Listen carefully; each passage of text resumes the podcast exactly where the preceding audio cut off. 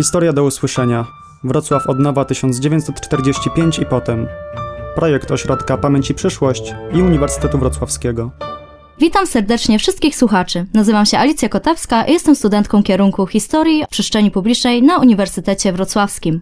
Moim gościem jest profesor Uniwersytetu Wrocławskiego Jakub Tyszkiewicz, specjalizujący się w historii najnowszej, amerykanista, ale również specjalista od historii Śląska. W dzisiejszej audycji przeniesiemy się do powojennego Wrocławia, a nasza rozmowa dokładnie będzie dotyczyć wywózki cegły. Witam Państwa. Przejdźmy więc do rozmowy.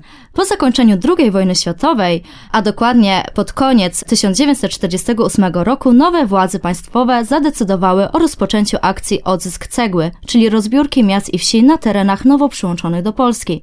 Wiązało się to z powołaniem Urzędu Pełnomocnika Akcji Rozbiórkowej przez Komitet Ekonomiczny Rady Ministrów w Warszawie, którego to odwołanie 24 sierpnia 1956 roku zakończyło akcję rozbiórkową. Gdyby mógł Pan przybliżyć słuchaczom mniej więcej, na czym miała polegać akcja i co kryje się pod eufemistycznym terminem odzysku cegły? Od e, końca 1948 roku władze centralne w Warszawie przystąpiły do rabunkowej akcji rozbiórki miast i wsi znajdujących się na terenach przejętych od Niemców w 1945 roku. Była to decyzja władz centralnych w Warszawie. Do dzisiaj zresztą nie wiemy dokładnie, kto za nią stał. Niemniej jednak podjęto decyzję, że co roku będzie wywozić się z terenów tak zwanych ziem odzyskanych wtedy, czyli ziem zachodnich i północnych, właśnie cegłę, która posłuży do odbudowy zniszczonych miast, przede wszystkim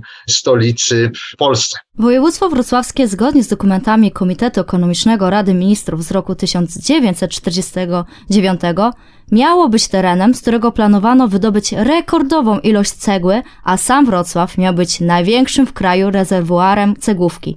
Jak to wyglądało liczbowo? Ile planowano wydobyć sztuk cegły z Wrocławia, a ile na tle innych miast? Wrocław i w ogóle cały Dolny Śląsk odgrywał bardzo dużą rolę w tych planach, bowiem jeżeli na przykład na rok 49 planowano, bo wszystko było objęte wtedy planami produkcyjnymi, planowano, jak to wtedy określano, wydobyć około pół miliarda sztuk cegły z całych terenów ziem zachodnich i północnych, to prawie połowa tego urobku przewidziana była na Dolny Śląsk i przede wszystkim główną metropolię, czyli Wrocław. Co roku mniej więcej z Wrocławia wywożono 160 milionów sztuk cegły. Oczywiście szacunkowo, bo nikt dokładnie tego nie liczył, ale oblicza się, że tylko w latach 49-52 cegła, która została wywieziona z Wrocławia, mogłaby posłużyć do budowy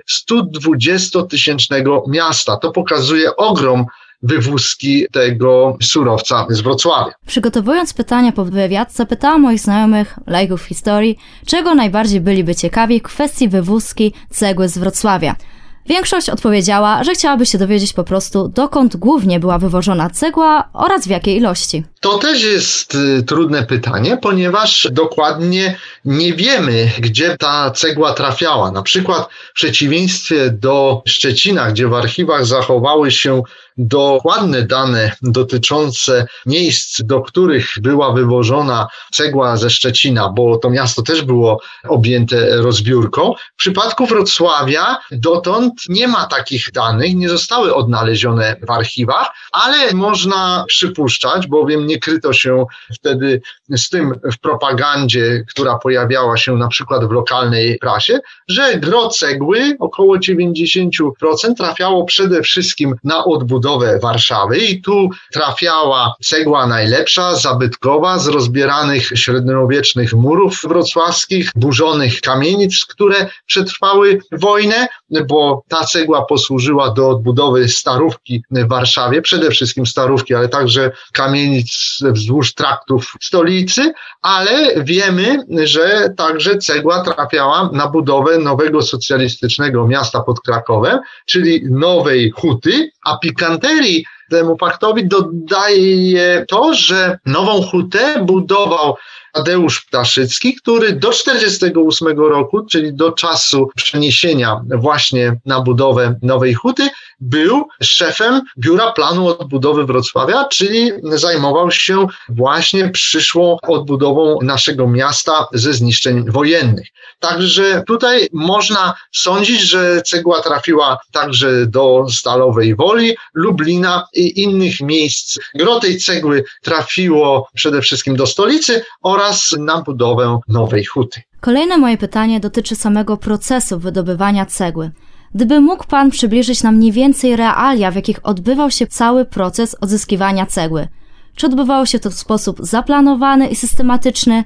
Jakie obiekty zazwyczaj szły pod rozbiórkę oraz kto był zatrudniony do rozbiórki? Oczywiście cały proces był bardzo nieuporządkowany. Wydobycie cegły odbywało się w sposób rabunkowy. Oczywiście plany zakładały, że będą rozbierane poszczególne partie bardziej zniszczone miasta, ale w rzeczywistości było to zupełnie inaczej.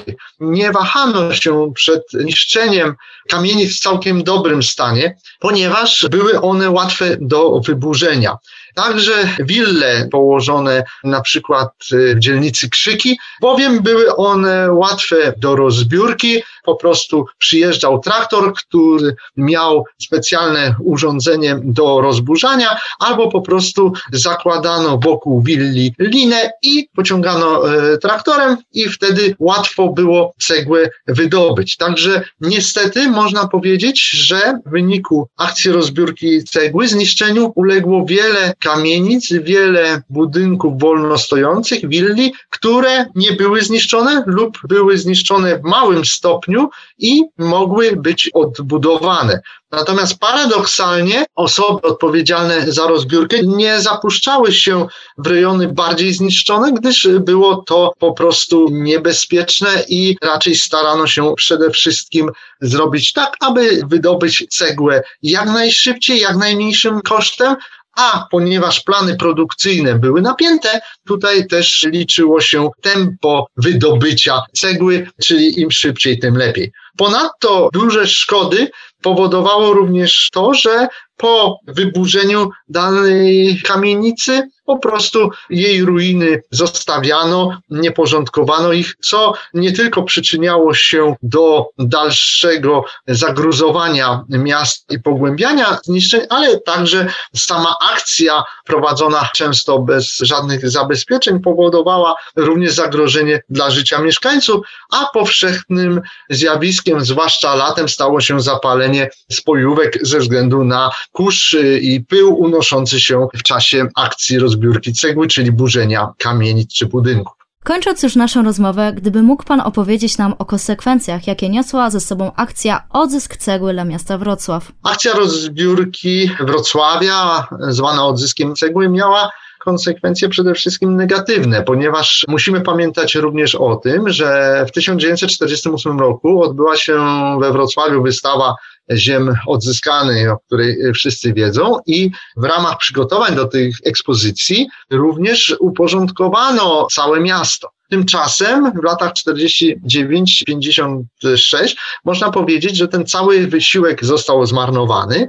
Co więcej, łupem odzysku cegły niestety stały się nie tylko e, kamienice zniszczone, ale tak jak e, już wspominałem, budynki, które mogły być odbudowane, bowiem nie były mocno zniszczone.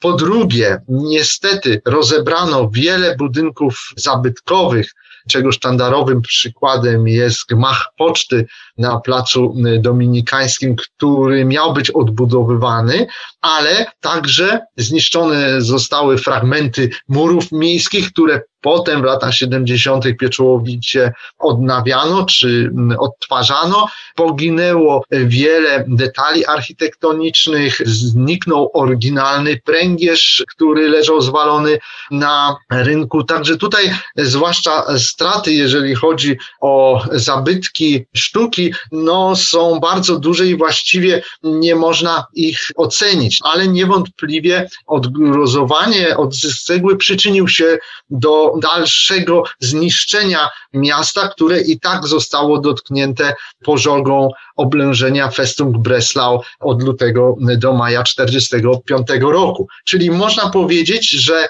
dekadę później zaczynano odbudowę znacznie bardziej zniszczonego Wrocławia niż to miało miejsce w 1945 roku, chociaż może to brzmieć dzisiaj jak herezja.